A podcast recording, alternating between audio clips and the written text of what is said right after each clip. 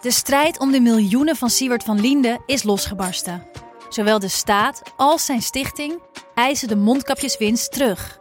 Maar dat die opbrengst in ieder geval niet thuis hoort bij Van Linde, daarover kan toch eigenlijk geen twijfel bestaan. Hoe kon het zo ver komen? Dit is het. We hebben beet. En als Siewert het geld teruggeeft, kunnen wij dit schandaal dan eindelijk loslaten? Je hoort het in de Mondkapjesmiljonairs, exclusief bij Podimo. Ga naar podimo.nl/slash mondkapjes. Kijk, het gesprek begon ogenschijnlijk over het onrecht dat mensen wordt aangedaan als er zo'n vernietigende recensie wordt geschreven. En wat dat met mensen doet. Daar leek het gesprek over te gaan. Maar gaandeweg, en dat is dankzij goed redactiewerk van mijn eh, redacteur destijds, blijkt dat die test niet deugt. Via podimo.nl slash gonzo luister je de eerste 30 dagen gratis naar Podimo. podimo.nl slash gonzo. De boeren, dat, zijn, dat, dat is het fundament voor de hele beweging. Want als de, als de, boeren, de boeren er niet meer zijn, nou, hoe moeten dan de burgers eten? Dit is Betrouwbare Bronnen met Jaap Jansen.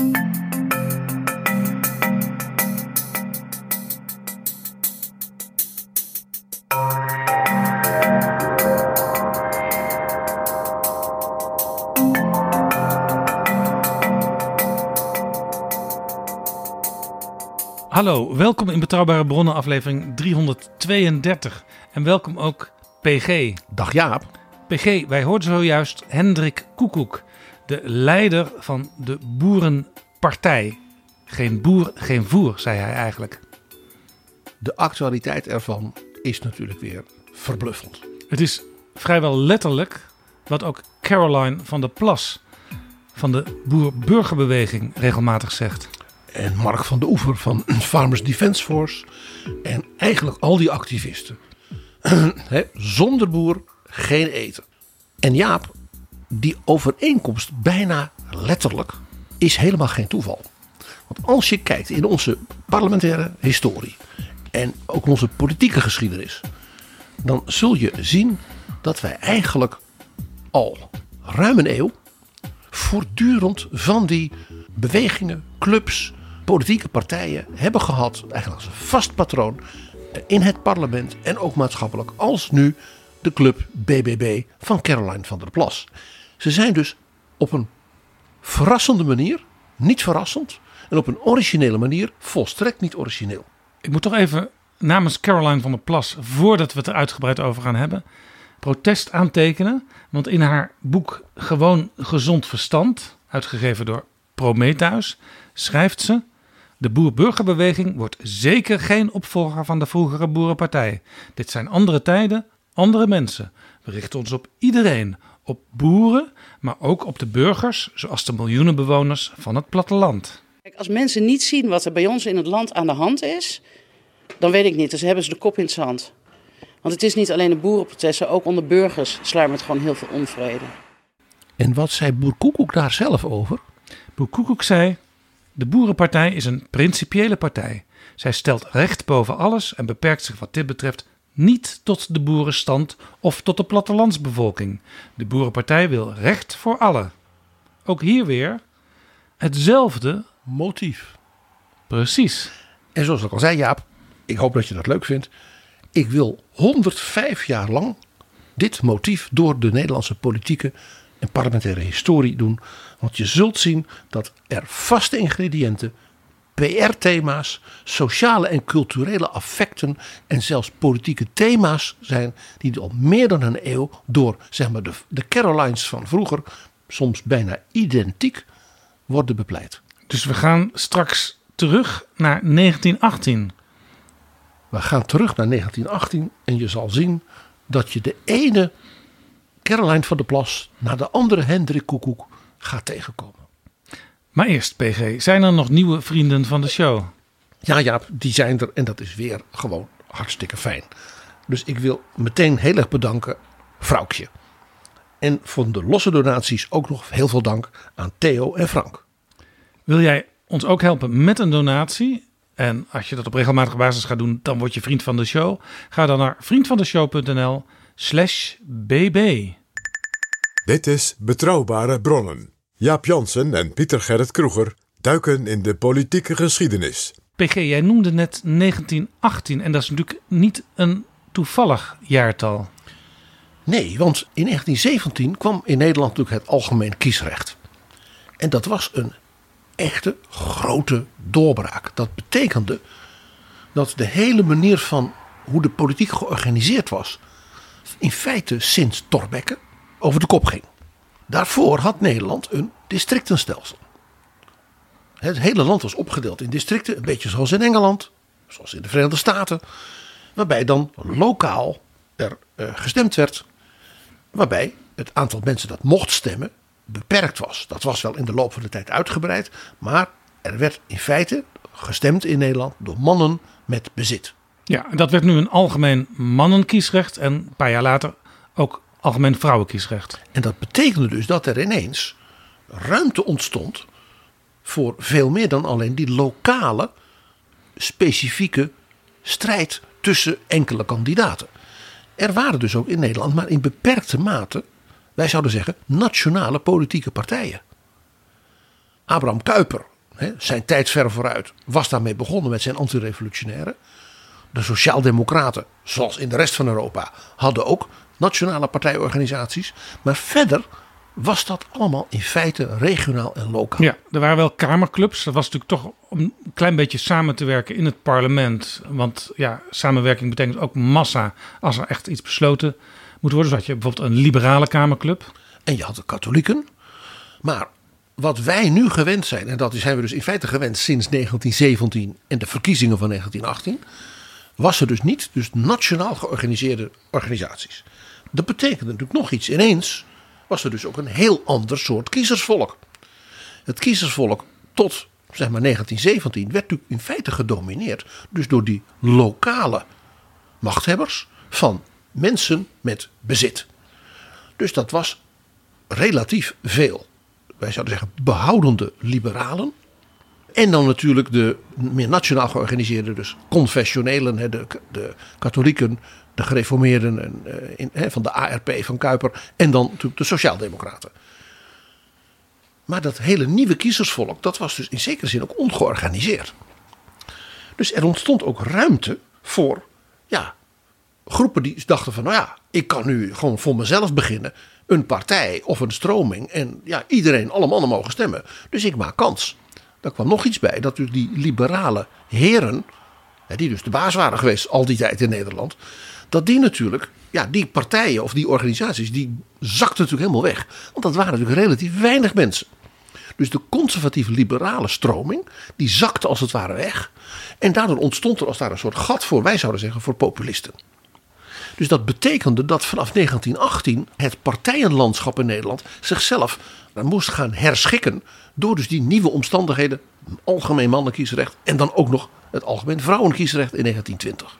Heel grappig, wat je dus zag was dat die conservatieve liberalen, die versplinterden helemaal, meteen in 1918. En ja, die, die merkten toen dat ze daardoor natuurlijk nauwelijks nog kamerzetels wonnen. Zoals vroeger, als het ware vanzelf, via de districten. Dus toen is een aantal van die splinters weer bij elkaar gekropen. En die hebben dan een soort conservatieve liberale partij gevormd. Om maar te kunnen overleven. Ja. En dit heb je eigenlijk gedurende die hele jaren 20 en 30.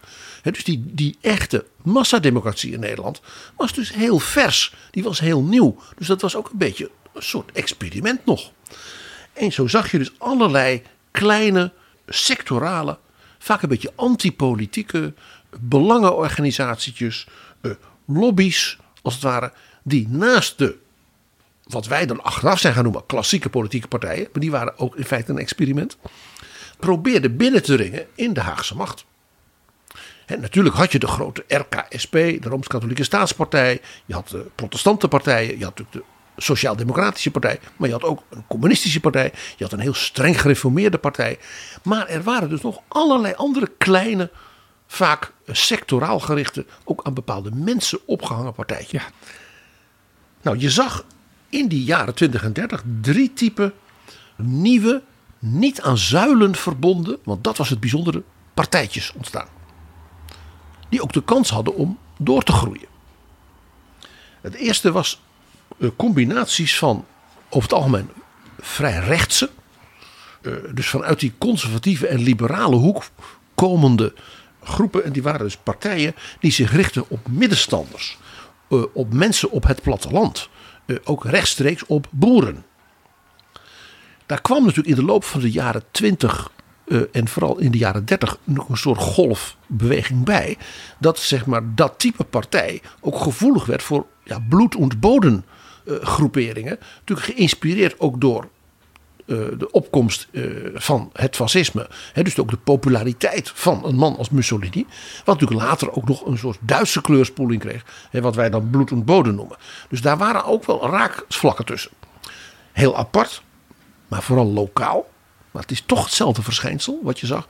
Waren partijen bijvoorbeeld zoals in Amsterdam in de gemeenteraad. Had je me maar. Dat waren dus bijna, bijna wat anarchistische, provo-achtige, ook antipolitiek, ook vaak wel een beetje antidemocratische bewegingen. Hè, die dan ineens populair werden. En dan bij de gemeenteraadsverkiezingen ineens eh, stemmen kregen van mensen. Nou ja. Die anders niet zo heel politiek waren. Had je me maar was zelfs een experiment, eh, zou je kunnen zeggen. Want die is in het café ontstaan. In feite hebben een stel cafévrienden een, een zwerver van de straat gehaald. Die op een lijst gezet. Met een heel kort programma van een paar punten. Wat op een affiche kon. Namelijk eh, vrij vissen en jagen in het Vondelpark. En ik geloof ook ja, bijna gratis bier, daar kwam het op neer. Ja, het was echt vrij buurvuur alles, zoals ze in Duitsland spottel zeggen. En die man werd dus in de gemeenteraad gekozen. Dus dat gaf dus aan dat, jij zegt ook terecht, dat was een soort beetje een soort wat anarchistisch experiment uit het café. Dat was dus een, een verschijnsel wat dus hoorde bij dus die nieuwe massademocratie. En ja, bij de verkiezingen van 1918 kreeg je dus een hele serie daarvan. Heel duidelijk, het was iets heel nieuws. We gaan het gewoon proberen. Dus met één zetel kwam in de Tweede Kamer de middenstandspartij. Ja, je zou kunnen zeggen een one-issue partij. Die was er voor de middenstand. Precies. Maar er was ook, en die kreeg wel drie zetels, de economische partij. Wat wilde die? Dat was eigenlijk een vergelijkbare partij, maar die zei, die zuilen en zo, dat, dat is allemaal niks. Je moet een partij hebben die gewoon opkomt voordat er goed verdiend kan worden. En er was partij van een onmiddellijk ook in de media bekende man. En dat was Boer Braat. En die had de Plattelandersbond. En die haalde ook een zetel. Ja, dat was Arend Braat. Die kwam van de Zuid-Hollandse eilanden. Vrij geïsoleerde omgeving eh, waar hij opgroeide. En dat bleek eigenlijk ook wel toen hij in de Kamer zat. Uh, want hij stelde zich volstrekt anders op dan alle andere Kamerleden. Ja, maar hij had steun. Dat is ook heel interessant om te kijken waar in Nederland haalde zo iemand nou steun. Nou, heel opvallend. Zeeland en de Zuid-Hollandse eilanden, dat begrijp je nu ook nog beter. Maar ook Gelderland, dus de Veluwe en de Achterhoek en Drenthe. En die regio's die gaan we vaker terug horen komen. Als Ja. basis van dit soort groepen. Heel interessant, die boer Braat die had ook een trucje in de Kamervergaderingen. Hij werd trouwens door, door de geachte afgevaardigde Schaper een ongelikte beer genoemd. Maar hij had een trucje en dat was heel vaak hoofdelijke stemming aanvragen. En dat zien we nu ook terug in de Kamer. Bijvoorbeeld als trucje van partijen als de PVV en Vorm voor Democratie. Ja, en je zag dus ook, die, die, er komen dus allemaal kleinere, hè, wij zouden zeggen, versplintering partijen in. En ja, ook duidelijk was voor die, voor die economische partij en die middenstandspartij en de heel klein overgebleven, zeg maar, conservatieve liberalen die dus vroeger heel machtig waren geweest. Dat ze op deze manier er natuurlijk, als ze elkaar gingen beconcurreren in de Kamer, dat ze eraan zouden gaan. Dus wat gebeurde er?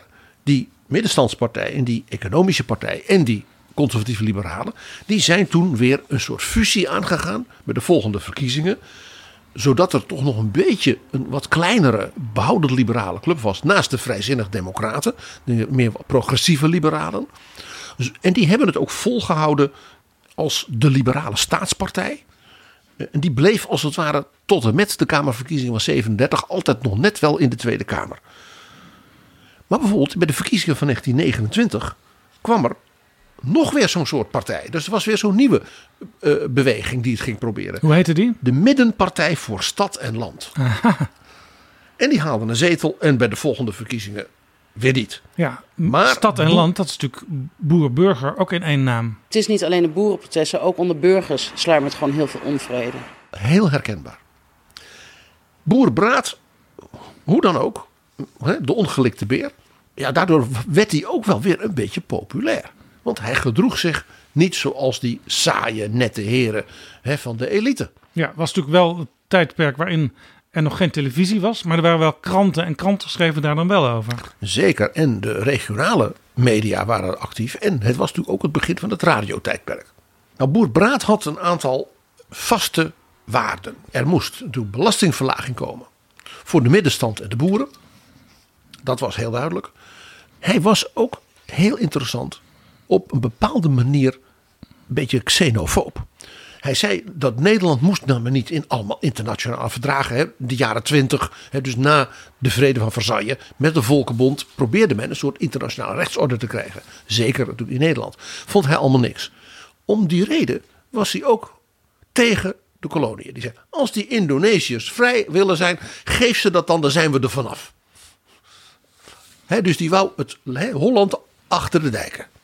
Heel opmerkelijk, waardoor hij op een grappige manier antikoloniaal ook was. Maar hij had een heel belangrijk ding, en dat heeft hij wel vier, vijf keer geprobeerd in de Tweede Kamer. Hij was een fanatiek bestrijder van de zomertijd. De zomertijd. En elke keer probeerde hij het weer. En elke keer haalde hij geen meerderheid ermee. Dit doet denken aan Europarlementariër Annie Schreier-Pierik van het CDA, die ook in haar verschillende uh, fasen van Europees parlementlidmaatschap pogingen heeft gedaan om die zomertijd af te schaffen. En dat deed ze zelfs al in de Tweede Kamer, dat ze vond dat de Nederlandse regering dat in Europa moest bepleiten. Nou, omdat het biologische ritme van de mens, uh, denk aan de kleine kinderen die ermee te maken hebben, denk ook aan de mensen in bejaardentehuizen. In één keer wordt de klok een uur naar voren en naar achteren geschoven. Maar ook kijk ook naar de boeren. Ja, boeren uh, hebben niet altijd in heel Europa allemaal een robot. En die boer, die koeien hebben te maken met het boer, biologisch ritme van de boer. En in één keer moeten de uiers dan volle uiers met melk wel een uur langer ja. uh, blijven staan. En Annie Schreier-Pierik is natuurlijk boeren-Annie, hè, zoals in het CDA met lichte spot en lichte affectie wel wordt genoemd. En hier zie je dus iets wat we dus in, nou ja, vaker zien. Dat er hele vaste patronen en altijd weer dezelfde dingen. Hè, boer-braad. Je hoort gewoon allerlei dingen dat je denkt, hé, hey, dat hebben we, hebben we later meer gehoord. Dat horen we zelfs nu. En ook dit zelfs in de Europese politiek een thema dat je denkt, daar komt hij weer. Boerbraad uit 1920. Ja, overigens toen Boerbraad in 1933 uit de Tweede Kamer verdween, toen kwam langzamerhand ook een nieuwe partij op, de NSB. En daar schreef hij zich in als lid. En bij de NSB kon je alleen voorlopig lid worden. En toen ze moesten beslissen of hij definitief kon worden toegelaten in 1935, werd hij geweigerd als lid. Ja, want ik denk dat ze bij de NSB dachten: het is een beetje een ongeleid projectiel. Uh, ook het eind van zijn Kamerlidmaatschap is ook heel kenmerkend ook weer voor dit type partij. Hij kreeg namelijk ruzie met zijn eigen partijbestuur. Terwijl hij dus al heel lang voor die mensen een, ja, een stemmenwinnaar was. Want zo, hij kwam er toch altijd met één of twee zetels ja. in. En toen hebben ze met een beetje een trucje op de lijst ervoor gezorgd dat iemand anders meer stemmen kreeg. Zodat hij eruit viel. En toen is hij zo boos geworden dat hij onmiddellijk uit de partij gestapt is en zich bij de NSB heeft aangemeld. Dat is niet zo raar. Wij denken natuurlijk nu aan de NSB en dat is volstrekt begrijpelijk. Wij denken nazi's en dat soort dingen. Maar de NSB van die tijd, dus 1933, 34, was dus een partij die voor meer autoritair uh, bestuur een beetje à la Mussolini was. En later kwam dus die sterke invloed ook vanuit Duitsland. Maar dat had natuurlijk een heel sterk element van ja, de verering ook uh, bij de bloed- en bodemfilosofie.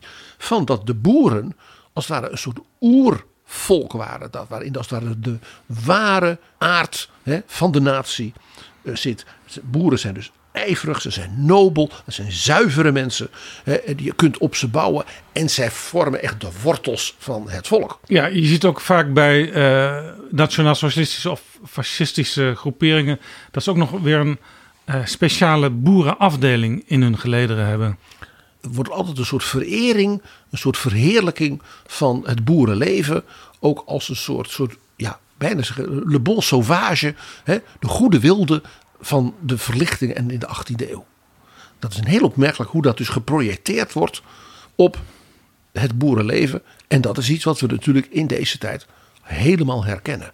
De boer als een soort echte, ware Nederlander. Ja, in de jaren 20 en 30, waar we het nu over hebben, was natuurlijk, ja, men zocht naar wat is nou eigenlijk democratie en hoe kunnen we nou eigenlijk de beste volksvertegenwoordiging hebben. Dat zag je ook in andere landen, de Weimar-republiek uh, noem ik maar. Uh, maar ja, toen kwam de oorlog en de bezetting. En daarna, 1945, zou Nederland heropgebouwd worden, de wederopbouw.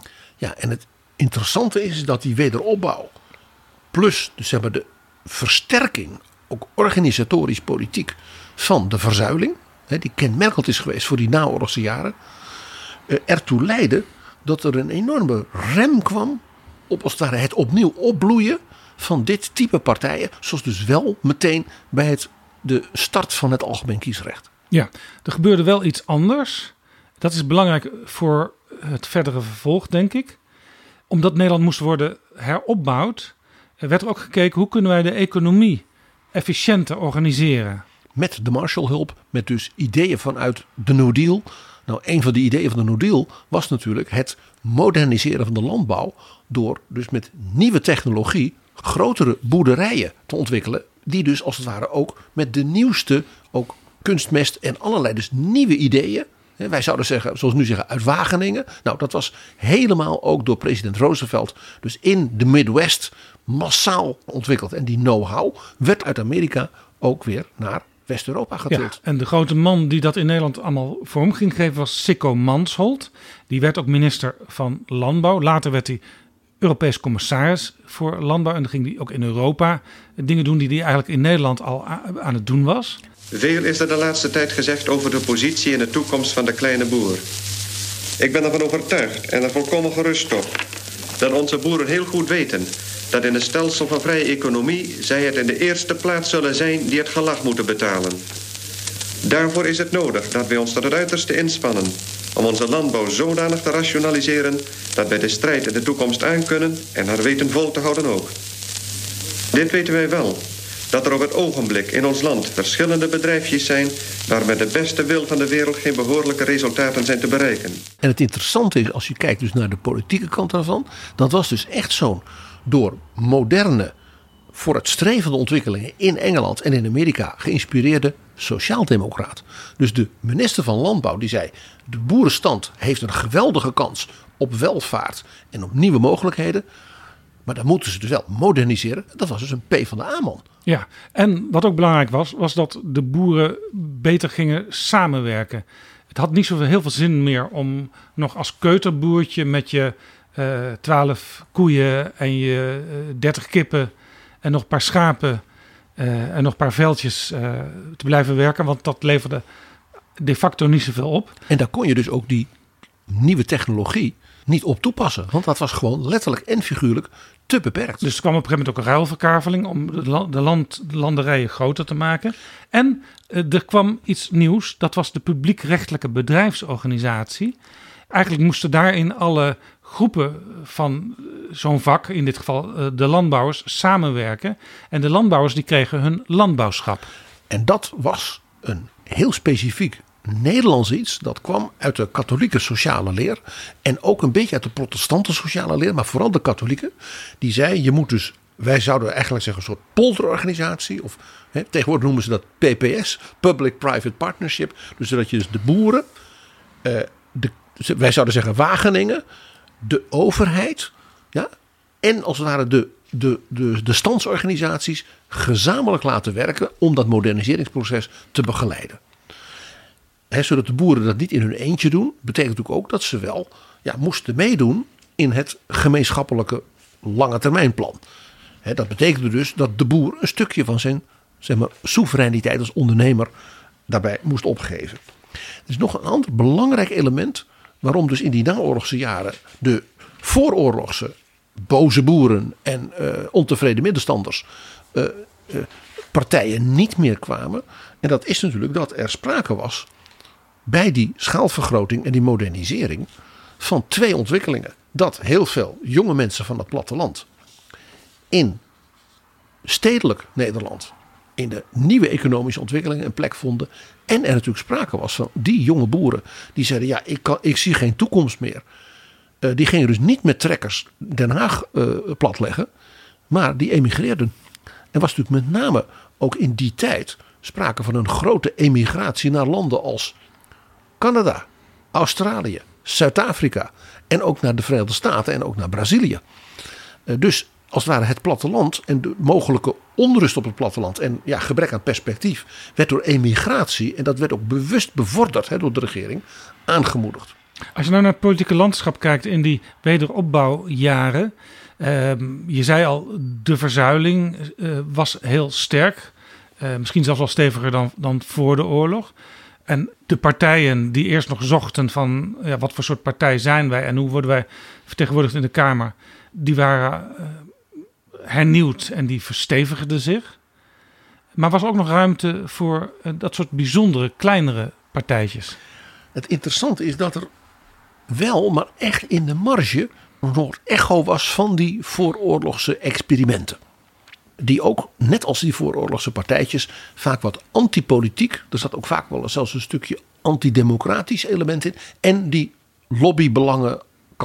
Zo was er tussen 1947 en 1966, dus, dus 20 jaar lang, een middenstandspartij.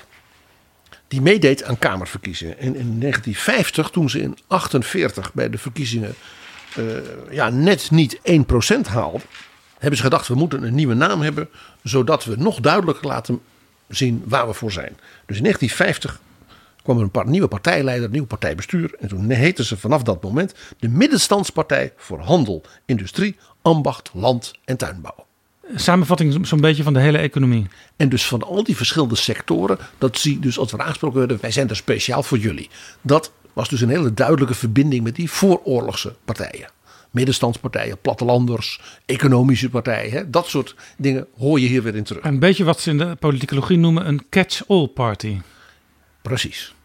Nou, daarmee hoopten ze uh, een succes te hebben. Helaas, uh, in 1952 haalden ze nog maar de helft van de stemmen die, ze al, die al niet genoeg waren voor één kamerzetel uh, in 48. En ja, toen heeft men nagedacht en toen gebeurde er iets heel interessants. Toen heeft men gezegd, we moeten eigenlijk alle ontevreden groepen, hoe klein ze ook zijn, bij elkaar brengen tot een soort anti-politiek partij. Dus tegen het kartel. Die heette dus ook de Nederlandse Oppositie-Unie. de Nederlandse Oppositie-Unie. En dat was een heel opmerkelijke club. Want het initiatief daartoe werd genomen door een verboden partij. Namelijk een groep oud-NSB'ers.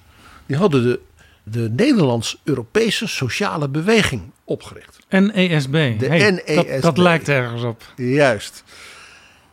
En die werd verboden omdat het programma en het soort mensen wat daarin zat, uh, ja, zo, uh, zeg maar, nogal. En die werd verboden omdat het soort mensen en het programma waarmee ze kwamen, ja, gewoon neonatie was. Ja, en de, de, de NSB was natuurlijk ook opgeheven na de oorlog. Ja. En die wist die middenstandspartij voor handel, industrie, ambacht, land en tuinbouw te verleiden om mee te doen. Maar ook bijvoorbeeld een groep oud-strijders. Die vonden dat ze als veteranen niet genoeg geëerd werden. Het oud-strijderslegioen was ook een hele, hele ja, hardrechtse Indonesië was natuurlijk net onafhankelijk geworden. En die mensen die zaten eigenlijk met hun ziel onder de arm in Nederland. Zo was er dus ook een groep oud-Indische Nederlanders. Die dus verbitterd waren om wat er met hen gebeurd was. En dus ook heel erg naar rechts waren gegaan. Ze voelden zich verraden door Drees. Nou ja, dat soort verhalen. En er was ook een hele groep boerenactivisten. Die vonden namelijk die publiekrechtelijke bedrijfsorganisatie en die moderniseringsslag van Mansholt, dat vonden ze maar niks. Die wilden voor zichzelf kunnen boeren. die noemden zich ook vaak, wij zouden zeggen vrije jongens, die noemden zich ook vaak vrije boeren. En een van die activisten was Hendrik Koekoek. Die zat dus al bij die Nederlandse oppositie-unie. Met dus die merkwaardige bondgenoten, om maar zo te zeggen. Ja, en nou, Hendrik Koekoek, dat is interessant. Dan moeten we toch even weer terug in de geschiedenis. Uh, dat was iemand die al in 1946 als activist op het toneel kwam. Hij richtte toen de Vereniging van Bedrijfsvrijheid in de Landbouw op. En dat was meteen al tegen die publiekrechtelijke bedrijfsorganisatie die voor de boeren werd bedacht.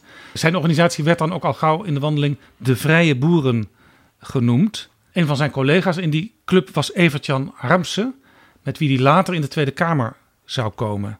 Maar dit was dus nog buiten de politiek. Dit was gewoon een politieke actiegroep, zou je kunnen zeggen. Ja, en dus heel interessant, want dat is een kenmerkend iets wat we dus als lijn door het hele verhaal zien. Het was dus een club tegen wat wij zouden zeggen de polder. Niet dat polderen, we willen zelf kunnen ondernemen. Laat ons dat maar doen, waar bemoei je je mee?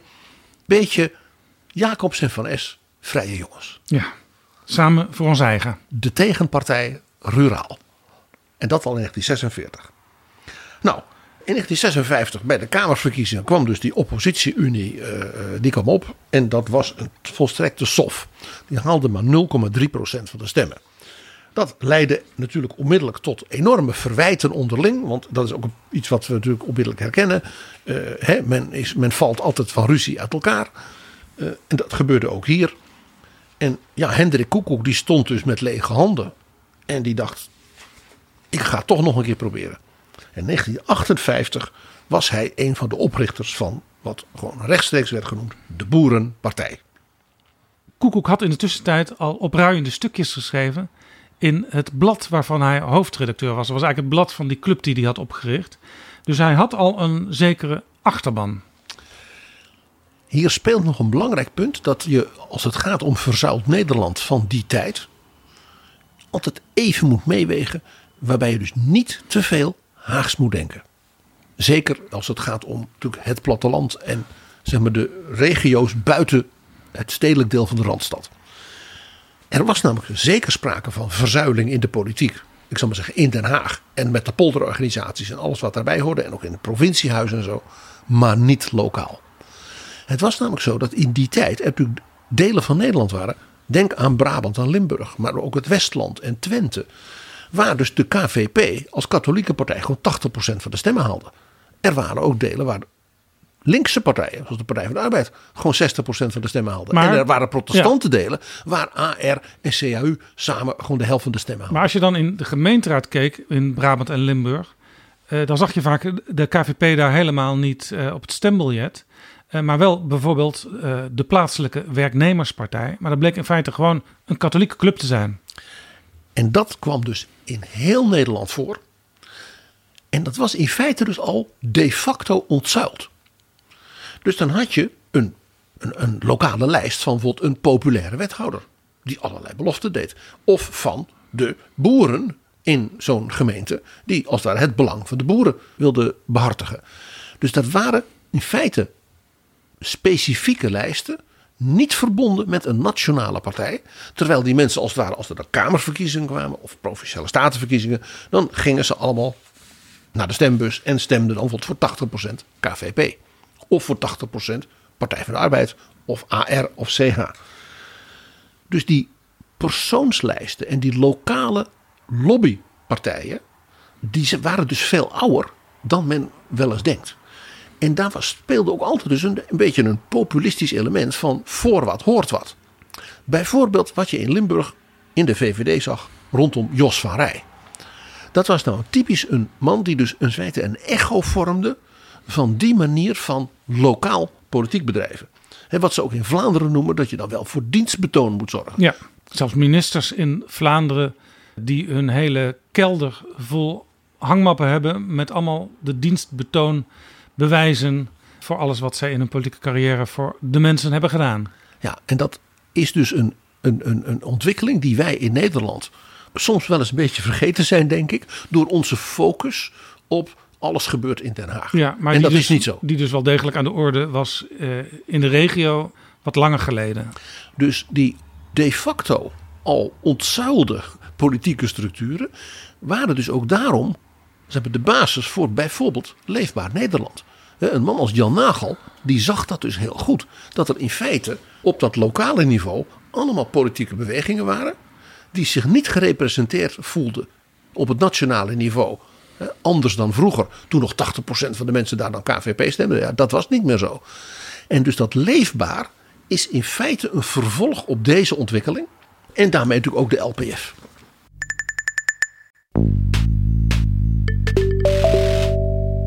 Dit is Betrouwbare Bronnen, een podcast met betrouwbare bronnen. De Boerenpartij werd opgericht en die ging zich verzetten tegen staatsdwang, dirigisme en overbodige overheidsbemoeienis. En eigenlijk was elke overheidsbemoeienis min of meer overbodig. Ja, ze kreeg ook een beginselprogramma. Dat had overigens een sterk eh, christelijk karakter. Ja, want ze hadden een, iemand die boos was weggelopen bij de antirevolutionaire partij. Want ja, ze hadden iemand nodig die in staat was om zo'n beginselprogramma te schrijven. De jurist Zegers. Meneer Zegers. En die heeft dus een beginselprogramma geschreven. En dat, nou ja, dat, daar ronkte nog de echo's van Abraham Kuyper door. Gecombineerd met die vrije boeren en vrije jongensverhalen. Dus een hele aparte combinatie. Ja, en de partijorganisatie, die was heel eenvoudig. Dat was namelijk eigenlijk gewoon uh, Hendrik Koekoek met iedereen die mee wilde doen. Er waren ook vergaderingen, er was ook een hoofdbestuur. Maar in feite uh, was het toch allemaal Hendrik Koekoek. En dat doet mij weer denken aan Geert Wilders op dit moment. Er waren geen statuten, er was geen huishoudelijk reglement. Er was wel een uh, bankrekening, maar dat was gewoon de privérekening van Koekoek.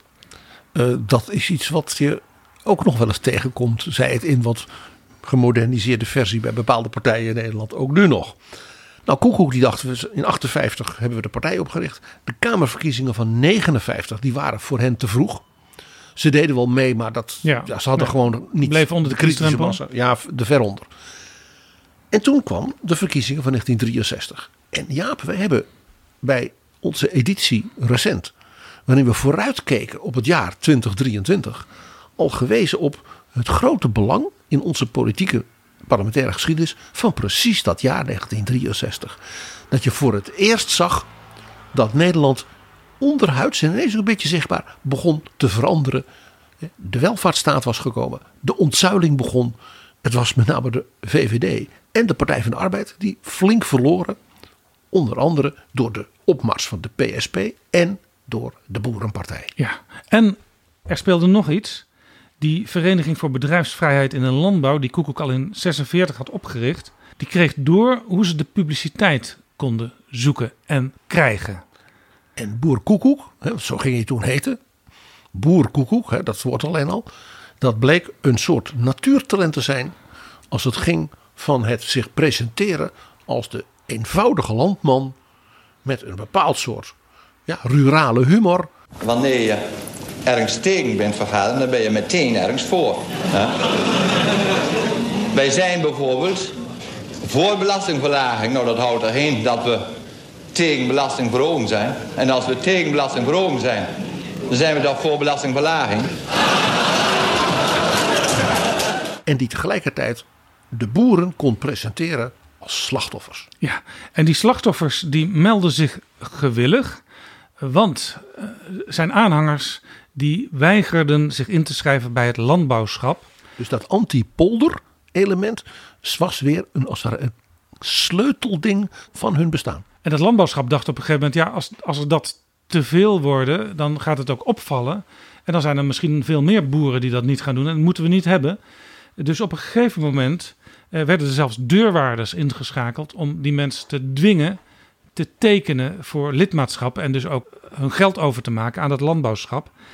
En uh, ze waren op een gegeven moment zo slim, de, de groep van Hendrik Koekoek, dat ze de Telegraaf inschakelden.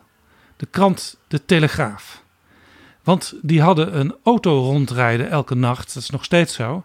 En die konden dus, als je ze belde, binnen een uur ter plekke zijn met een fotograaf en een verslaggever.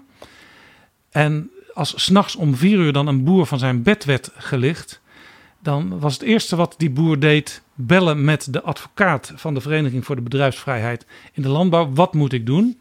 het eerste wat die advocaat zei is: uh, sluit al je luiken en probeer even te voorkomen dat je contact met ze hebt tot de verslaggever van de Telegraaf aanwezig is. En dan mag je met ze praten. En ineens kreeg dus heel Nederland via de Amsterdamse ochtendkrant verhalen over boeren die door, dat, door de elite, dat landbouwschap, de polder, de politie werden verdrukt. Terwijl het toch vrije jongens waren.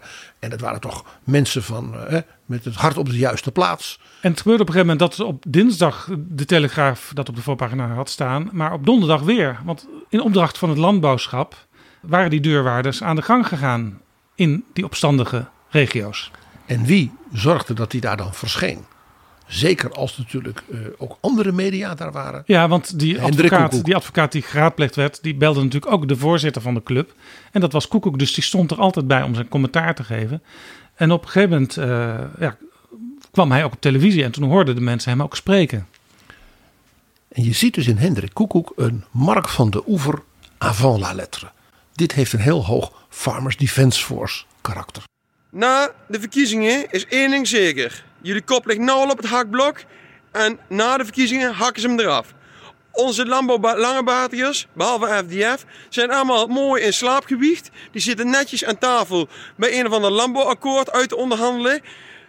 Daar komt helemaal niks. Ja? En als er al iets komt, nou stel er komt 10.000 euro per boerderij uit die wij zullen gaan ontvangen. Ja? We hebben voor twee weken geleden al allemaal een schade opgelopen van 30.000 euro per bedrijf. Dus het is niks en het wordt ook niks met een landbouwakkoord. Dat gaat nooit uh, de kost opbrengen. Maar het is maar om één ding bedoeld. En dat is om die boeren rustig te houden.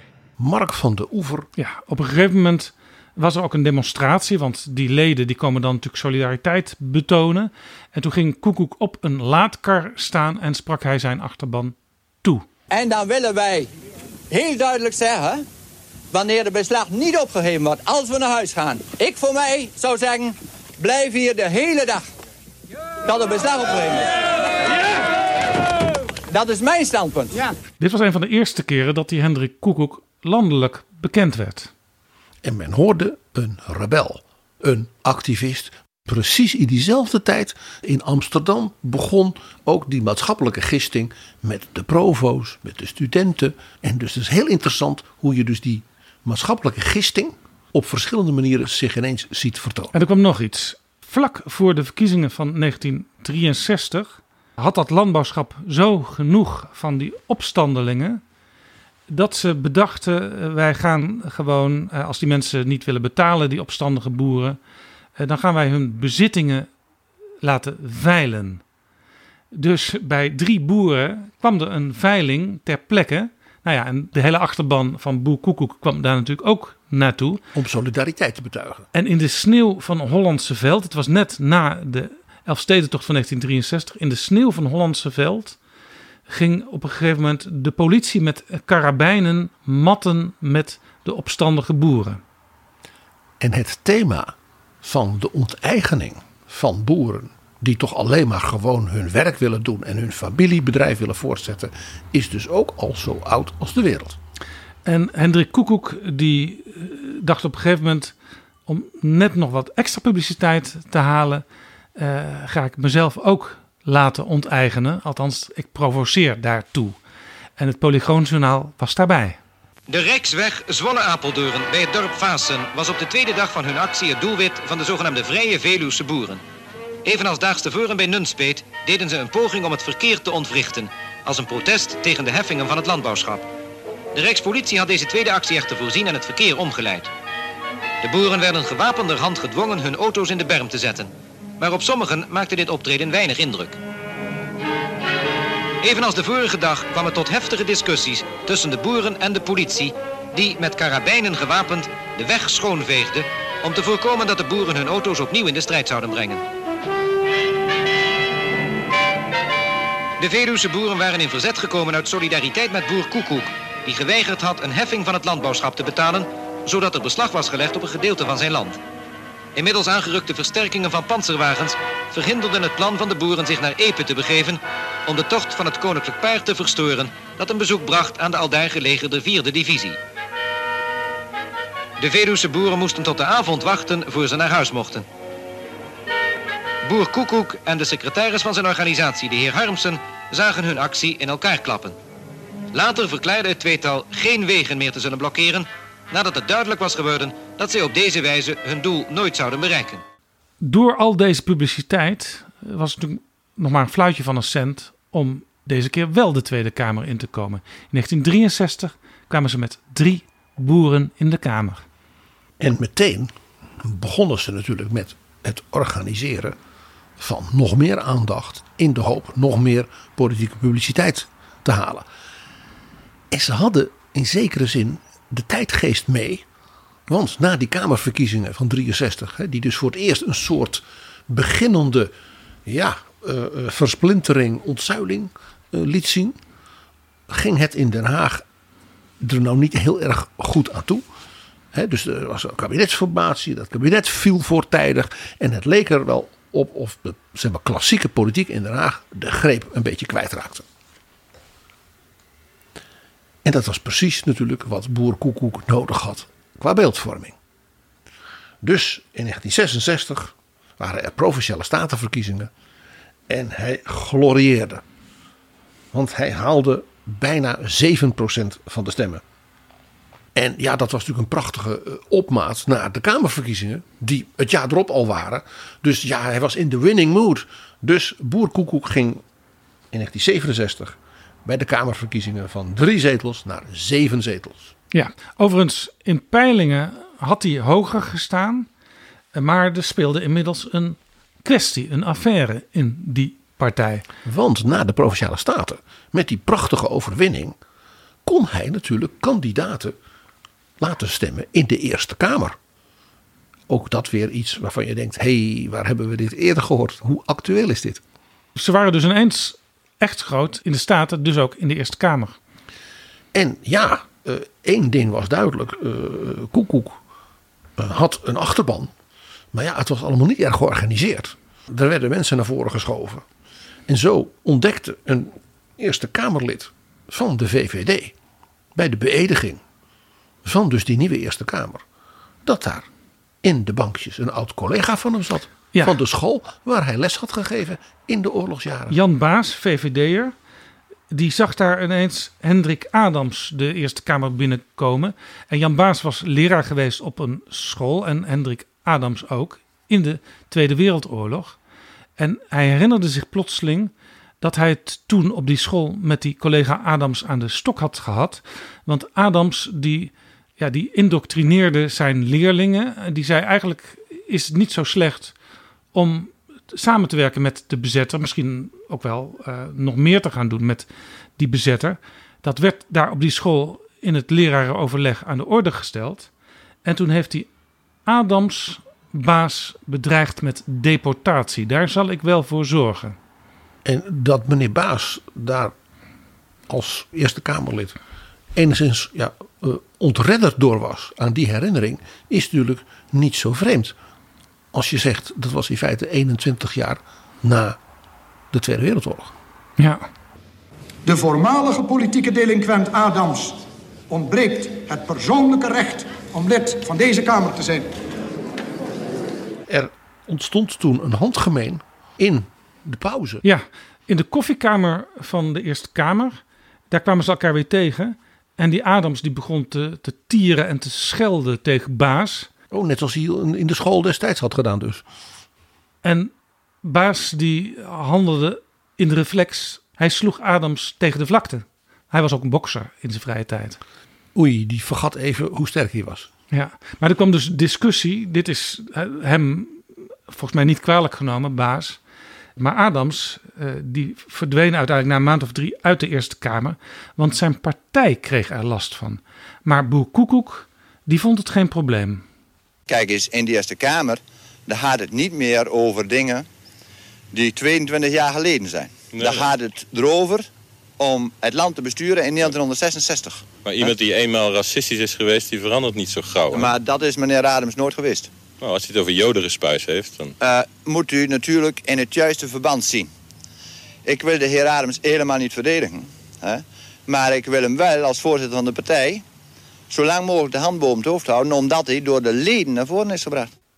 Koekoek probeerde het dus een beetje ja, uh, weg te duwen, het, het probleem. Sterker nog, Koekoek zei... het is helemaal niet bijzonder dat iemand... Uh, fout was in de oorlog en nu actief is in een andere politieke partij. Dus het bekende verschijnsel wat je ziet in meer van dit soort partijen. Men ontkent eerst dat er een probleem is. Om vervolgens te zeggen, het probleem zit overigens vooral bij een ander. Wij moeten niet langer modderen in de oude NSB. En daar zijn we het ook heel roerend mee eens. U weet ook als leden dat wij dat nooit hebben gedaan. We leven nu ongeveer 21 jaar na de bevrijding... en u hebt onze openbare verhaal er nooit over gehoord... nu dit aan de orde is... Hè, en nu dit hier ook weer aan de orde wordt gebracht... niet door ons, maar door de vragenstellers... moet ik u zeggen dat dit begonnen is bij de VVD. Die is in de Eerste Kamer tegen meneer Adens begonnen. En toen heeft direct de Partij van de Arbeid... die heeft erop ingehaakt... En later hebt u kunnen zien dat in verschillende raadsvergaderingen... en u hebt ook kunnen zien in de Kamer... dat alle partijen zich aangesloten hebben bij de VVD en de Partij van Arbeid... en dat ze dus allemaal wat dit punt hebben afgegeven op de Boerenpartij. Wij moesten toen wel wat. De heer Adams die, uh, is bij ons weg. Het is voor ons een afgedane zaak. Die is geen Kamerlid meer. Maar omdat ze in de Kamer ons dwongen van noem nou dan maar eens namen. Toen hebben we daar een stuk of vijf namen genoemd. Dat is voor ons helemaal niet moeilijk. We kunnen er ook wel honderd noemen. Want er zijn er honderden oud-leden van NSB die een openbare functie hebben in de grote partijen. Maar toen we daar dus een paar namen noemden, toen werd er een motie ingediend van afkeuring om een einde aan het debat te maken. Want men vreesde dat er nog meer te berden kwam. Wat je Koekoek hier hoort zeggen was dat er sprake was van een motie. Wat is er namelijk gebeurd? Hij ging op een gegeven moment echt namen noemen in de Tweede Kamer. Uh, onder andere van een VVD-Kamerlid. Uh, dat VVD-Kamerlid, daar was een onderzoek naar geweest na de oorlog. Maar er is toen besloten om verder geen vervolging in te stellen. Maar goed, hij noemde die naam toch en hij ging meer namen noemen. En toen heeft de meerderheid van de Kamer, de ruime meerderheid van de Kamer, een motie aangenomen. Een motie van afkeuring tegen het medelid Koekoek. Dat doet mij overigens denken aan iets heel anders. Namelijk het 1 april debat van 2021 in de kabinetsformatie. Toen werd gezegd dat dat een unicum was, wat er gebeurde met Mark Rutte. Ja, tegen Mark Rutte werd toen ook een motie aangenomen. Dat is dus alles eerder gebeurd bij Koekoek. Dit gebeuren in de Eerste Kamer, dat, ja, dat leidt natuurlijk toch tot een soort licht alarm. Van wat, wat, wat zit daar nou in die boerenpartij? Wat is dat voor club? En ze zaten natuurlijk toen vervolgens met z'n zevenen in de Tweede Kamer. En toen gebeurde er iets wat we natuurlijk wel vaker zien gebeuren. Er ontstond ruzie. En rivaliteiten en gedoe. We merken steeds nog de laatste dagen dat er nou berichten de ronde doen als zou er oneenigheid bestaan tussen de heer Harms en ongetekende. En die verhaaltjes die kunt u naar de fabelen verwijzen.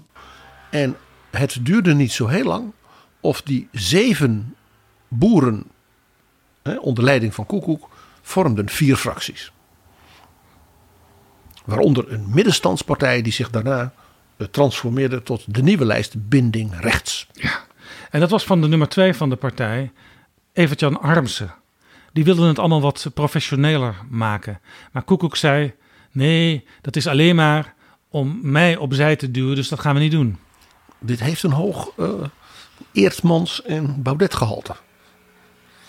Nou, dat leidde ertoe dat uh, bij de verkiezingen daarop, in 1971, er één boerenpartij stoel overbleef in de Tweede Kamer. En dat was natuurlijk toch Hendrik Koekoek weer. Hij bleef. Overigens in 72 uh, kregen ze toch weer drie zetels. En een van de leden die toen de Kamer binnenkwam, Jan de Koning heette die, die viel vooral op door zijn verzet tegen de zomertijd. Ja, hoi, even een commercial break. Elke van Vriend van de Show hier. Vind je deze podcast leuk en wil je de maker steunen? Ga naar vriendvandeshow.nl en word vriend. Wat maakte nou die boerenpartij juist ook in die tijd? Dus die jaren 60, begin jaren 70, het ontzuilen en veranderen van het politieke landschap zo aantrekkelijk en zo opvallend. Nou ja, één ding is natuurlijk helder. Er zat ook een flink scheutje boerbraad in. Niet alleen de zomertijd, maar ook die wat recht voor zijn raap, ongelikte beer manier van communiceren. Waarbij dan Koekoek ook nog de speciale kwaliteit had dat hij heel snel en graag de lachers op zijn hand had. Er is bewezen dat de kiezers er anders over denken. En daarom heb ik tegen de meneer Aantjes gezegd... wij krijgen een verdubbeling. Nou, en hij schijnt daar ook uh, diezelfde verwachting toegedaan te zijn... want hij, hij trok helemaal wit weg. Nou is hij al niet...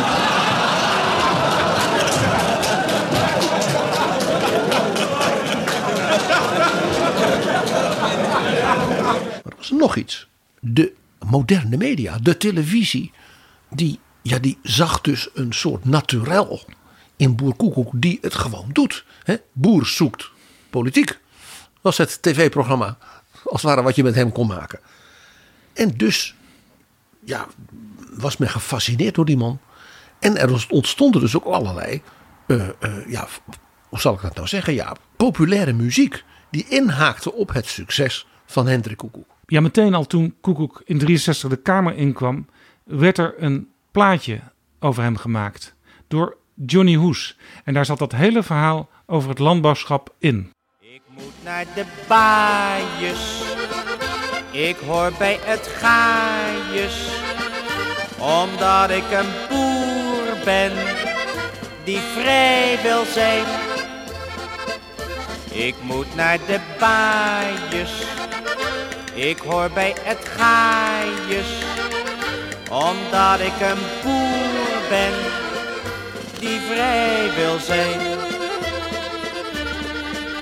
En al die stoere boeren, nog zwoegend voor het gezin, gaan als ze niet betalen het grauwe celhok in. En menige brave vader, die weet wat hem straks wacht, zal tot zijn kinderen zeggen als hij wordt opgebracht.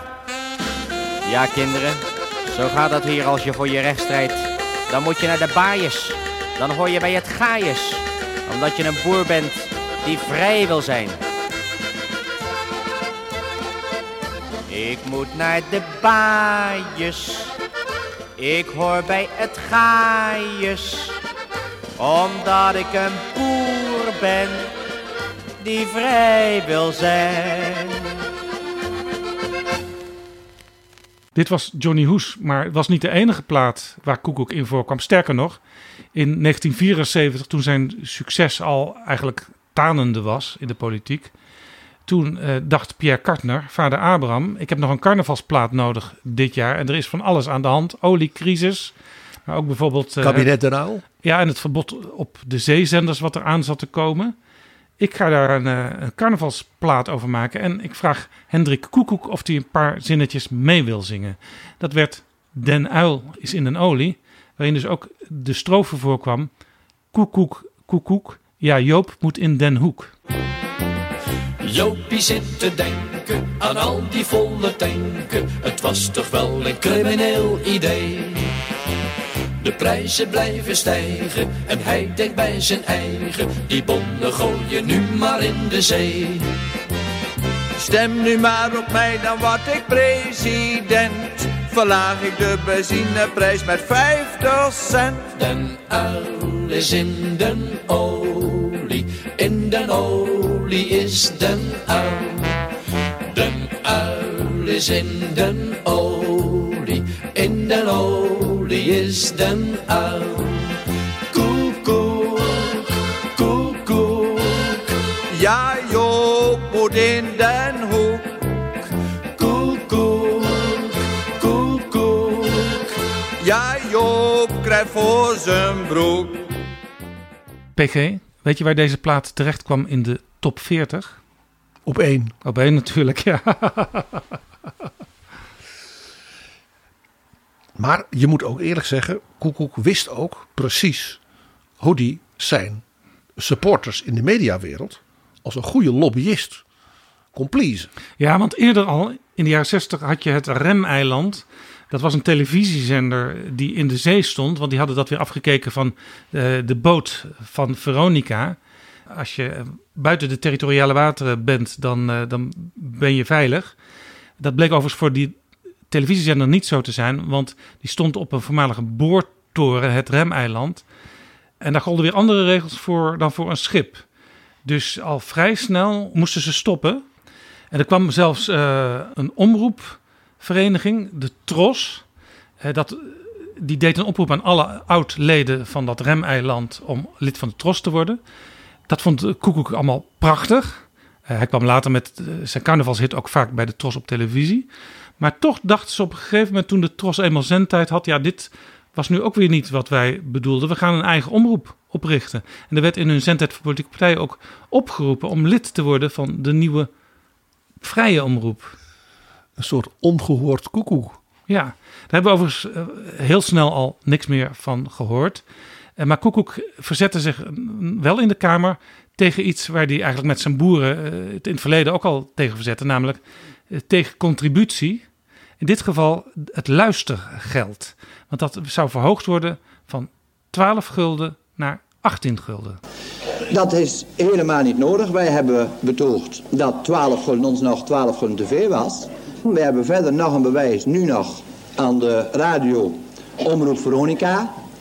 Die ook altijd eh, gratis uitzendt, hoeven niets voor te betalen. En het programma is beter dan van de zuilen, want men heeft zelfs bij de zuilen een derde net ingeschakeld om Veronica te vervangen.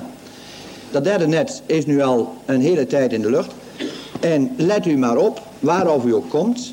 U kunt het veel merken in, in ca- cafés en hotels. Dat men altijd Radio Veronica nog heeft aanstaan, omdat ze dus het programma beter vinden. En daar hoeft men niets voor te betalen.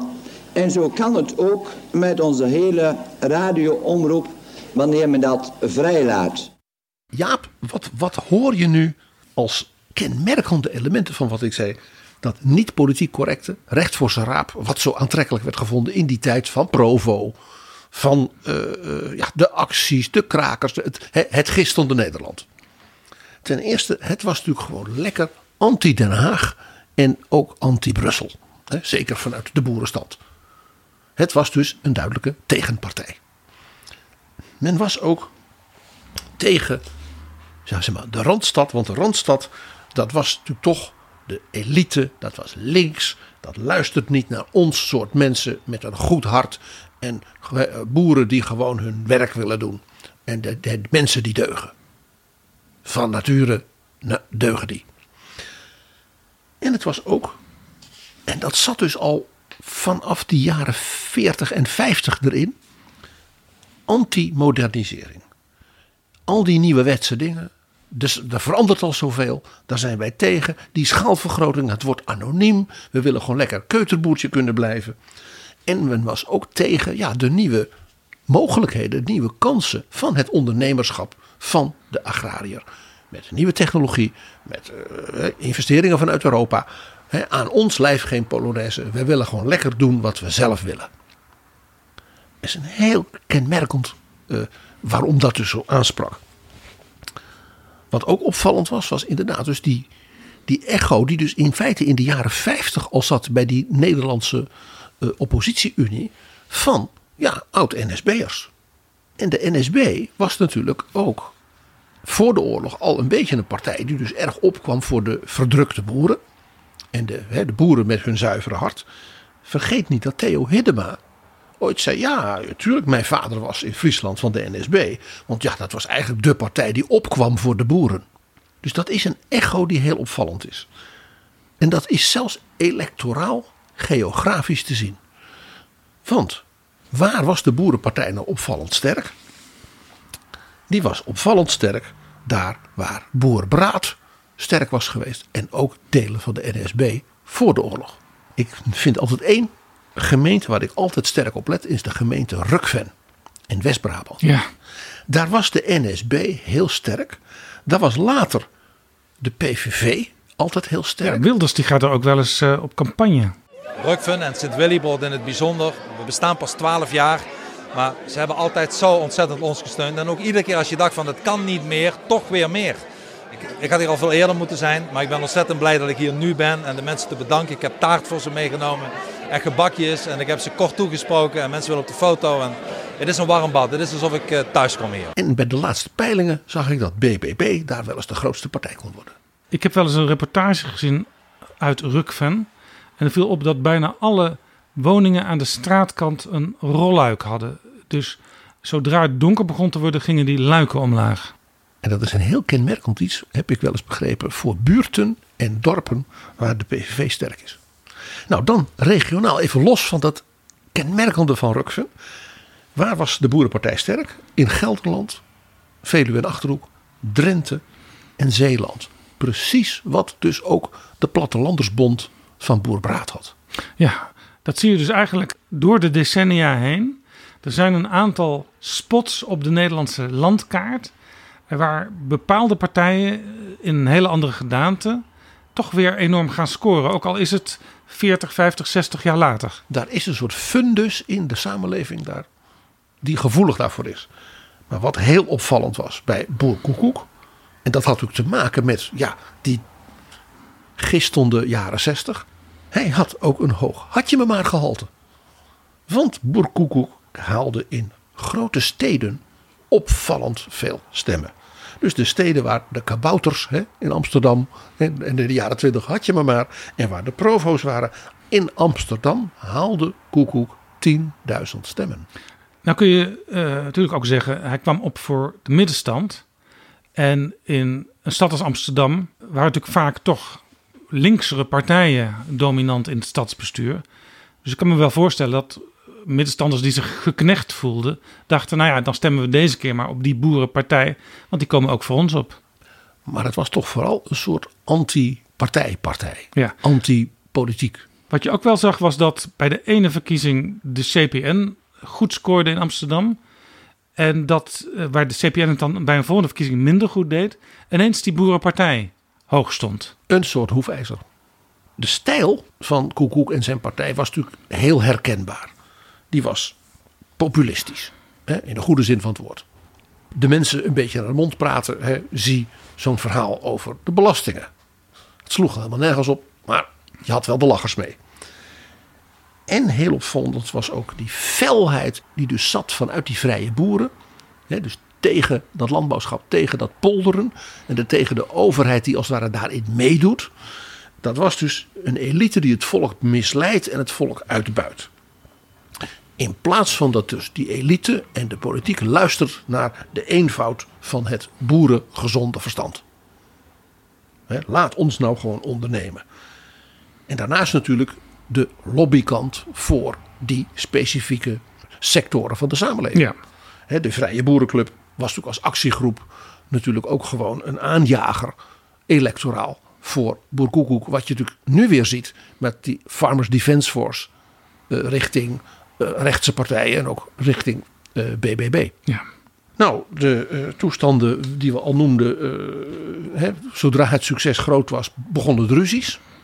je zag dus ook een heel duidelijk patroon daarin, wat erg doet denken aan wat er gebeurde met Leefbaar Nederland en met de LPF. En daarmee was eigenlijk, net als we zagen in die eerste fase van de naoorlogse jaren, die periode van de opbloei van dit soort partijen ook voorbij. Want de jaren 60 waren voorbij. De jaren 70 met hun polarisatie waren voorbij. En eigenlijk vanaf nou ja, de verkiezingen van 1981 zie je dus Nederland ook veranderen. En zie je dus ook dat soort partijen verdwijnen. Ja, Koekoek had nog één zetel in 1977, maar in 81 was het definitief voorbij.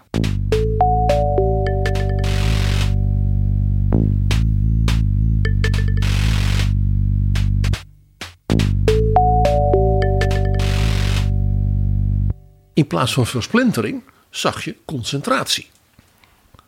Den Uil, die in 77 met zijn Partij van de Arbeid die enorme overwinning boekte. En eigenlijk de kleine linkse partijen bijna helemaal de das omdeed. Nou, de confessionele drie partijen die samen het CDA gingen vormen. Later kwam ook dat die kleinere linkse partijen GroenLinks gingen vormen. Dus in plaats van steeds meer fracties kreeg je in de Kamer minder fracties ook DS70, ook zo'n kleinere afsplitsing van de PvdA, ook wat meer behoudend, die verdween ook na ja, eerst groot succes. Ja, blijkbaar eh, hadden die partijen weer een formule gevonden om veel kiezers naar zich toe te trekken. En was dus ook eh, zeg maar, de, de manier waarop Koekoek de kiezers aan zich bond, die was uitgewerkt. Want dat was meestal door af te geven op wat hij dan altijd noemde de grote partijen. Ja, in combinatie met, ik zeg maar, een hoge entertainment value. Hij zou nu, zou Koekoek natuurlijk een ster zijn geweest in de praatprogramma's. Ja, en hij zou misschien ook wel meedoen aan allerlei televisieshows waarin je allerlei fratsen moet uithalen. Boer zoekt politiek. Maar Jaap, er gebeurt op de televisie iets Waardoor merkbaar was dat de voedingsbodem voor dit soort dingen helemaal niet weg was. En dat was de tegenpartij. Ja, die kwam juist op, eigenlijk op het moment dat Koekoek in de peilingen totaal verdwenen was. De tegenpartij is een partij voor alle Nederlanders die niet meer tegen Nederland kennen. Waar gaat het om? Nederland is ooit groot geweest door de vrije jongens. Grote en kleine zelfstandige ondernemers die nooit te beroerd waren om 48 uur per dag hun handen te laten wapperen. Wel nu, kijkers, in dit Nederland zien wij dat deze vrije jongen met uitroeiing en sterving bedreigd wordt. Er zijn boeren die, die zeggen van, ik heb niks meer te verliezen, ik sterf nog liever. Deze vrije jongen is een gevangene van het systeem geworden, een pario. Haagse vrije jongens. Vrije boeren, vrije jongens. En tot hun grote schrik, eerst amusement, maar daarna schrik, ontdekten ze dat het een enorm populair succes was. Dat was natuurlijk leuk voor hen als televisiemakers. Zo vormden zij dus de tegenpartij. En die was een partij voor alle Nederlanders die, meer, die niet meer tegen Nederland kennen. Geen gezeik, iedereen rijk.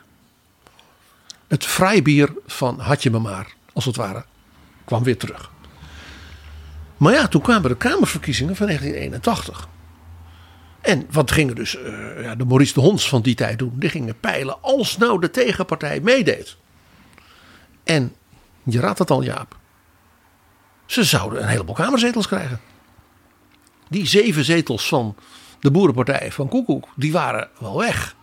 En toen hebben ze... Maar er was nog steeds die voedingsbodem, zoals die er ook voor Janmaat was. En toen hebben ze na twee jaar op televisie, hebben ze er een eind aan gemaakt. Letterlijk. Ze hebben een staatsgreep gepleegd op televisie. En daarbij kwamen Jacobsen en Van S om het leven. Op 10 mei 1981, dus vlak voor die Kamerverkiezingen. Dat verschijnsel van wat we dus zagen na 77, 80, van wat ik maar noem die ontsplintering, die heeft een hele tijd doorgewerkt. En eigenlijk pas in 1994 zag je bij de Kamerverkiezingen toen ineens weer, uh, als het ware, het omhoog komen van zo'n soort versplintering. Ja, want toen waren bijvoorbeeld het Algemeen Ouderenverbond, maar ook de Oudere Unie 55 plus, die zaten ineens met nogal wat zetels in de Tweede Kamer. Echte one-issue partijen. En ook daar was het verhaal weer. Er wordt niet naar de ouderen geluisterd, terwijl ze toch heel veel wijsheid hebben. Dat gezond verstand thema kwam weer terug. Uh, en ouderen die, uh, uh, ja, die krijgen niet waar ze recht op hebben. Ze hebben wij hebben toch het land opgebouwd. Hè? Dat, dat verhaal wat je ook vaak hoorde. Hè, dus men werd, er werd niet naar je geluisterd. We, we, we krijgen onze rechten niet.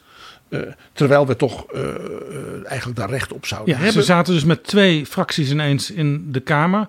Maar dit werden eigenlijk analoog aan de Boerenpartij eerder al snel vier fracties.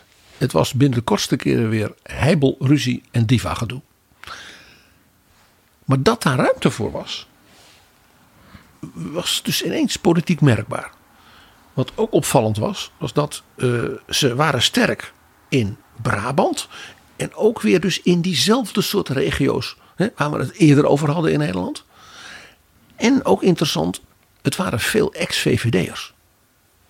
Die vonden de VVD niet rechts genoeg. Ja, en blijkbaar ook het vrije jongerengevoel van sommige VVD'ers. We zijn toch een vrijheidspartij, dus ja, waarom dan al die regels? En waarom dan al die compromissen in Den Haag? Dat Haagse gedoe. Het interessante is dat je natuurlijk later de, op dit punt ook altijd zo alerter Jan Nagel. Die eerst dus die regionale en lokale lijsten had bedacht met dat leefbaar. Daar zit een mogelijkheid in voor anti politiek uit de regio tegen Den Haag. Ja, want dat toen... hij vervolgens ook weer met de Brabantse VVD'er Henk Krol het opnieuw probeerde met zo'n oudere partij. Ja, want in 1994 kwamen die oude partijen de Kamer in. Dat was ook het begin van acht jaar paars. En dat was blijkbaar de ideale voedingsbodem voor een soort nationale leefbaarstroming. En het opvallende is, Jaap, we hebben het dus nu over ouderen en die regionale uh, lijsten en zo. Dat je merkt dus hè, hoe zeer dit teruggrijpt al op die jaren twintig ontwikkelingen. Maar geen plattelandersbond, geen boerenpartij in die periode. En dat was natuurlijk niet zo heel vreemd. Want de Nederlandse agrarische sector had nou niet bepaald reden tot klagen. Het ging eigenlijk gewoon te goed. Het ging verschrikkelijk goed. Mede door al die hervormingen die onder Sikko Mansholt in gang waren gezet, waar dus de vrije boeren zich destijds tegen verzetten, eh, had je ineens ja, vrij succesvolle boeren gekregen die nu grote stukken land hadden, eh, die heel veel koeien hadden, heel veel kippen en daar uit Europa ook goed voor betaald kregen. En natuurlijk ook nog de lange termijn investering in dus de modernisering. Zoals die al was begonnen met het Marshallplan. Die natuurlijk bijvoorbeeld door de concentratie van top, top, top kennis op dit terrein in en rond Wageningen.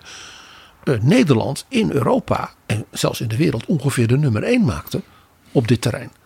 Nou, daar kwam dus ook nog in 92 hè, de interne markt van Delors bij. Zodat dat Nederlandse agrarische bedrijfsleven zich kon ontpoppen tot een ja, wereldspeler als exportmogendheid. Ja, er kwam overigens wel een, zou je kunnen zeggen, een soort eh, tegenpartij tegen de boeren op. En dat was de Partij voor de Dieren. Want eh, de oprichters daarvan die zagen dat ja, die hele grote megastallen en al die andere dingen die in de agrarische sector gebeuren, dat is niet zo goed voor dieren en uiteindelijk ook niet goed voor de mens. En er was nog iets wat je zag. Dat was dat in Europa men al veel eerder dan men nu vaak beseft. Zei ja, met die enorme ontwikkeling ook eh, van de productiviteit. Hè, dankzij ook de toepassing van kennis en nieuwe ontwikkelingen in de agrarische wereld. moeten we wel opletten dat dat niet leidt tot ernstige vervuiling. En dat was met name het mestoverschot, zoals dat in die tijd heette. En wat je dus zag, was dat Nederland dan altijd in Brussel zei: ja, dat gaan we doen. En we gaan dat, maar dat moet je stap voor stap doen, want die boerenbedrijven moeten wel kunnen ondernemen. Dus je moet zo'n mestbeleid en dat milieubeleid, dat moet je met de sector doen. Ja, en er was ook een hele sterke boerenlobby natuurlijk, naar de politiek, maar ook in de politiek. Want wat Koekoek dan de grote partijen zou hebben genoemd, ik noem het CDA, ik noem de VVD, maar ik noem ook de Partij van de Arbeid. Die waren best gevoelig voor die geluiden uit de boerenwereld. We gaan het doen, maar niet te snel. Interessant om even mee te nemen. Het beeld dat bijvoorbeeld het CDA een soort hyperboerenpartij was, heeft nooit geklopt. Een heel groot deel van de boerenstand in Nederland, de akkerbouwers met name, die waren massaal altijd VVD. Het CDA had wel heel veel kiezers zeg maar, in, wij zouden zeggen, kleinsteeds rurale gemeenten. Maar dat waren niet heel veel boeren. Want het aantal boeren in Nederland was toen al heel gering en het is nu nog veel minder. Sowieso is het altijd heel interessant om naar de misschien bijna kille feiten te kijken bij dit soort dingen. De beeldvorming, ook nu weer, dat bijvoorbeeld het platteland in Nederland helemaal gevuld is met ja, geprangde boeren die daar hun bedrijf niet kunnen voortzetten en dergelijke. En ook het BBP van Nederland wordt echt niet bepaald door bijvoorbeeld de agrarische sector. Nederland is in hoge mate een diensteneconomie. En uh, de agrarische sector is relatief klein. Ja, overigens moet er dan toch nog wel even bijgezegd worden dat, jij noemde al Wageningen, dat we dankzij de, de landbouwwetenschap uh, ja, gewoon hele efficiënte landbouwproductie hebben. En je dus weinig mensen nodig hebt voor een groot zeg maar, succes op de wereldmarkten. Ja, en dus uiteindelijk ja, mensen toch niet voldoende werkgelegenheid vinden in die landbouw. En uh, je ook moet kijken, uh, ja, moet je in zo, op zo'n klein stukje aarde wel zo'n enorme exporteconomie uh, willen hebben. Vooral zo'n enorme concentratie. Met alle nadelen van dien, zoals een overmaat aan stikstofuitstoot. Ja, want die dingen hangen natuurlijk samen met waar ik al eerder op wees. Op dat punt van dat langzaam uh, met de sector zelf zo'n mestbeleid doen. Uh, het is duidelijk nu dat mevrouw van der Wal heeft dat ook meegemaakt. Dat Christiane meneer, van der Wal, de minister van Stikstof. Dat die, dat die dus in Brussel nu gewoon mensen tegenkomen die zeggen ja, dat kennen we van Nederland, dat verhaal. Ja, er zijn zelfs delegaties van vier bewindslieden tegelijk naar Brussel geweest, recent nog. Maar die krijgen gewoon geen gehoor meer, want ze geloven Nederland gewoon niet meer. Ze vertrouwen het niet meer door ervaring wijs geworden. En Jaap, als je dus nu dit verhaal vanaf 1918 hè, tot en met dat jij zegt, minister van de Wal wordt in Brussel ja, geconfronteerd met, ja, daar komen die Nederlanders weer. Dan zie je dus dat wat ze in Brussel zeggen eigenlijk is wat wij al door tegenkomen. Dit verhaal, we horen al door hetzelfde verhaal als het gaat om de Nederlanders en hun boeren. Inclusief het verzet tegen de zomertijd. Uh, het verhaal van er wordt niet naar ons geluisterd. Uh, laat ons nou maar lekker vrij ondernemen, dan komt het allemaal goed. Het is vooral zo opvallend, wat ik al eerder zei, hoe weinig origineel het betoog is. Het wordt al meer dan een eeuw gehouden. En in dat opzicht is dus de BBB van Caroline van der Plas een kopie van heel veel eerdere kopieën. Kijk maar naar het type betoog dat zij houdt. Het is tegen de elite, tegen, tegen Den Haag en het is tegen het grootstedelijke van de cultuur. Ja, en ze zegt ook: hou me vast of ik bega een ongeluk. Want er moet weer rust in de samenleving komen. En die is er nu niet. Dat de politie met scherp schiet bij een boerenprotest, dat geeft aan dat er van beide kanten dat de emoties gewoon gigantisch hoog oplopen. Het is precies waar ik een debat over wil hebben. Al dit soort dingen. Hoe gaat het kabinet dit leiden? Hoe gaan ze de leiding over het land terugnemen in de zin van hoe gaan ze ervoor zorgen dat de rust weer terugkeert in het land? Je ziet dus ook dat zij zich ook in de media heel sterk identificeert met een enigszins fictief ruraal Nederland. Wat nooit precies gedefinieerd is wat dat dan is. Maar dat zijn mensen met nuchtere, zuiver hart, ijverige, gewone lieden, oprecht. Daar zit geen kwaad in. Totdat ze dus uh, met geweld dreigen. Maar dan, dat is omdat de emotie dan te veel wordt. Wat er ook in zit, natuurlijk dat, dat altijd dat anti-Europees, ook anti-mensen van buiten. bijvoorbeeld de BBB eh, is tegen de aanleg van de Lelylijn, omdat mensen dan heel makkelijk en heel snel vanuit de Randstad naar het noorden van het land kunnen. Dat er heel veel zorgen zijn bij mensen in Noordoost-Nederland. Die zijn eigenlijk bang dat die Lelylijn ervoor gaat zorgen dat mensen uit Amsterdam bijvoorbeeld, hè, die kunnen dan sneller uh, in het Noordoosten zijn om te wonen, dat die daar um, ja, eigenlijk huizen gaan uh, kopen en niet deel uitmaken van de sociale leefomgeving. Gewoon ja, daar wonen, met de trein binnen een uurtje, anderhalf uur, uh, uur en een kwartier in Amsterdam zijn en weer teruggaan. En dat eigenlijk de mensen die op het platteland wonen, met name de jongeren, um, ja, die huizen veel meer onbereikbaar zijn. Dus er zit een soort hondenfluitje in van we willen geen pottenkijkers en geen vreemdelingen hier. Ja, Caroline van der Plas zegt ook: ik ben helemaal geen rechtse partij. Op het gebied van uh, sociale wetgeving zijn wij misschien wel links. Maar als het bijvoorbeeld gaat om migratie, dan stemmen wij samen met Ja 21. Nou, dat laatste is eigenlijk weer een bevestiging van wat je eerder zei. Dat is een afsplitsing van Forum. Wat ook heel interessant is, is dat element wat we al door al zagen, het luisterend oor. Er wordt niet naar ons geluisterd. En er moet een luisterend oor zijn. Maar dan blijkt dat dat luisterend oor maar voor één ding is. Namelijk voor het nuchtere boerenverstand. Dat precies weet wat er moet gebeuren. En die wetenschappers en die mensen, ja, dat zeggen ze wel. Maar dan is men van de zogenaamde twijfelbrigade. Ja, dat vinden heel veel mensen uh, sympathiek. Want ja, wie twijfelt er niet uh, wel eens? En zeker als het over politiek gaat. Heel veel mensen hebben natuurlijk een zekere afstand tot de politiek. En denken, wat gebeurt daar allemaal in Den Haag? Maar als je dan met zo'n burger in gesprek gaat. En je hebt het over voors en tegens. En enerzijds, anderzijds. En dan zegt zo'n burger snel. Ja, ik zou het eigenlijk ook niet precies weten best wel ingewikkeld eigenlijk. Ja, en zo'n klimaatverandering. Ja, er zijn ook mensen zeggen dat het niet waar is. Ja, en zijn we wel op de maan geland. Er zijn ook mensen zeggen dat het niet waar is. Ja. De twijfelbrigade. Wat Van der Plas ook best wel vaak doet aan de interruptiemicrofoon... is dat ze zich tot tolk maakt van iets wat ze uit de samenleving heeft opgevangen. Vaak ook via Twitter. En dan zegt ze er, als ze dan commentaar krijgt, wel vaak bij: Ja, nee, ik heb het ook maar gehoord of ik heb het ook maar gelezen. Maar ik ben wel benieuwd wat de minister hierop zegt.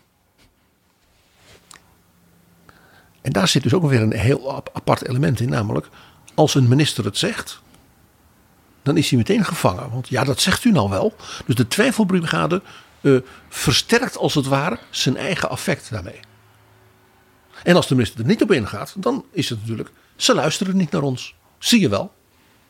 Dus het is een heel sterk motief, wat je dus voortdurend eh, in die hele geschiedenis ziet terugkomen. Wat ook heel opvallend is, dat zag je ook bij Koekoek, de ideologische samenhang van waar ze nu voor staan, die is eh, moeilijk te, te, te, reconstrueren.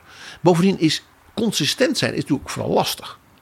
Ja, het zijn ook heel va- vaak vooral kreten. Bij Koekoek zag je op een gegeven moment op een verkiezingsaffiche staan, een foto van Koekoek. En dan voor orde, recht, gezag. Maar dat laatste was nou juist wat zij eigenlijk ondermijnde bij dat gedoe rond dat landbouwschap. Ja, orde was vooral alles moet blijven zoals wij dat willen. Jullie orde is de onze niet. Want dat zit er ook altijd een beetje in. Nou, dan heel, heel duidelijk. eh, het succes van dit soort partijen hangt natuurlijk sterk samen met wat ik maar noem hun entertainment value. Een hoog PR-gehalte, eh, schaamteloos lobbyen ook voor de achterban. Maar het moet wel leuk zijn. En het moet gezellig. En er moet gelachen kunnen worden. En dat serieuze in Den Haag. Met die cijfers en die ingewikkelde discussies. Dat is allemaal eh, maakt het een beetje gezellig. Ook een kenbaar punt is de problemen met het HRM. Want wat je ook altijd zag. Nou, je zag het bij Koekoek. Maar je zag het ook bij die andere eerdere partijen. eh, de zogenaamde baantjesjagers en gelukszoekers. Die bijvoorbeeld bij andere partijen hè, eh, hun plek niet meer hadden. Denk aan die ARP-man die voor Koekoek wel even het programma ging schrijven. En een soort Abraham Kuyper ervan maakte. Dat, dat die dan ineens opduiken en dan wel op de lijst willen. Maar dat weten ze bij de BBB. eh, want ze zeggen, we hebben vrij vroeg de kandidaatstelling voor Allegremia opengesteld. Want dan was er genoeg tijd, ongeveer een half jaar, om te kijken of er misschien nog ergens lijken uit de kast vallen. En die mensen die hebben we meteen geschrapt. En ik zeg maar, dat was wat Henk Otten ook zei, precies vier jaar geleden. En we weten waar dat toe leidde. En wat ook wel een heel opmerkelijk element is, is dat dit type partij, en dat begon dus al met Boer Braat in 1918, het toch in hoge mate moeten hebben van het boegbeeld. De vrouw, de man, die als het ware belichaamt in alles wat het is. Dan heb je dus ook geen consistent programma nodig. Dan kun je ook de ene keer dat doen- roepen en de andere keer dat. Want het gaat toch eigenlijk om de authenticiteit van het boegbeeld. En je bent van de twijfelbrigade, dus dan mag het ook af en toe anders zijn. En dat zag je bij Boer Braat. Je zag het natuurlijk zeker bij Hendrik Koekoek. Maar laten we heel eerlijk zijn. Er zit ook een Pim Fortuyn en Rita Verdonk aspect in. Heel herkenbaar als bijna vast fenomeen al sinds 1918. PG, één overeenkomst tussen BBB en de Boerpartij, die is er nog niet. We hadden al een paar liedjes, eentje met Boerkoekoek, eentje over Boerkoekoek. Eh, maar er is nog een plaatje ooit over hem gemaakt. En wel door de Jordaanese zanger Nelis, die later bekend zou worden als Manke Nelis. En die wist natuurlijk dat in Amsterdam Boer Koekoek flink had gescoord. Die zong meteen na de eerste verkiezingsoverwinning dit. Koek, koek, koek, koek. Het hek is nu van de dam. Koek, koek, koek, koek. Sinds jij in ons midden kwam. Koek, koek, koek, koek. Jij gaat vele jaren mee. Koek, koek, koek, koek. Misschien word je wel premier. Ja, nu jij hebt gewonnen. Baart ons de toekomst geen zorg. Koek, koek. Opmerkelijk PG, misschien wordt hij wel premier. Dat wordt nu ook gezegd over Caroline van der Plas. Er wordt wel eens gezegd, oh, Caroline van Plas, nieuwe minister-president. Nou, dat vind ik een beetje voorbarig. Ik worstel er heel erg mee van, ik, Ik heb helemaal geen zin om naar het buitenland te gaan. Dat ben ik serieus. Ik naar Indonesië en eh, Washington en weet ik veel, naar Davos. Wil ik al helemaal niet naartoe. En dan zou ik denken van, nou, dan komen ze maar naar mij. Dan komt Biden hier maar naartoe. Ik hoef niet speciaal naar hem.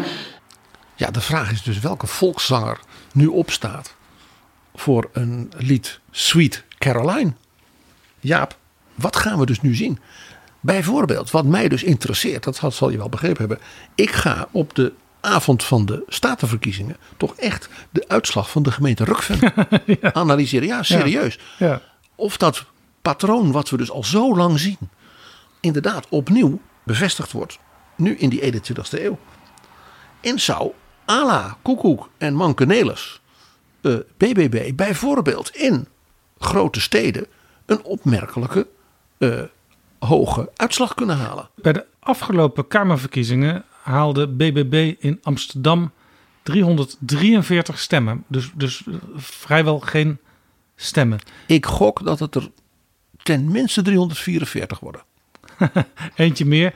Nou ja, er zijn ook al peilingen. Er is een peiling geweest uh, dat ze 5% zou kunnen halen in Amsterdam. Er is ook al een peiling met, ik geloof, 7 à 8%. Kortom, het kan nog alle kanten op. En daarmee zeg ik terug naar die provinciale staten van 1966. Ook in een periode dat de politiek in verwarring was. Dat men het gevoel had dat in Den Haag de kabinetten de greep een beetje op de politiek aan het kwijtraken waren.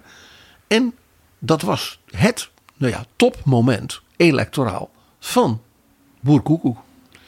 En we zagen het zelf natuurlijk vier jaar geleden met het succes van Baudet. En zowel bij Koekoek als bij Baudet vier jaar geleden zagen we natuurlijk de nasleep daarvan. De totale ja, uit elkaar spatten. En dat soort dingen van die groeperingen. En in dat opzicht al door toch weer niet heel origineel de kopie van de kopie. Dankjewel, PG.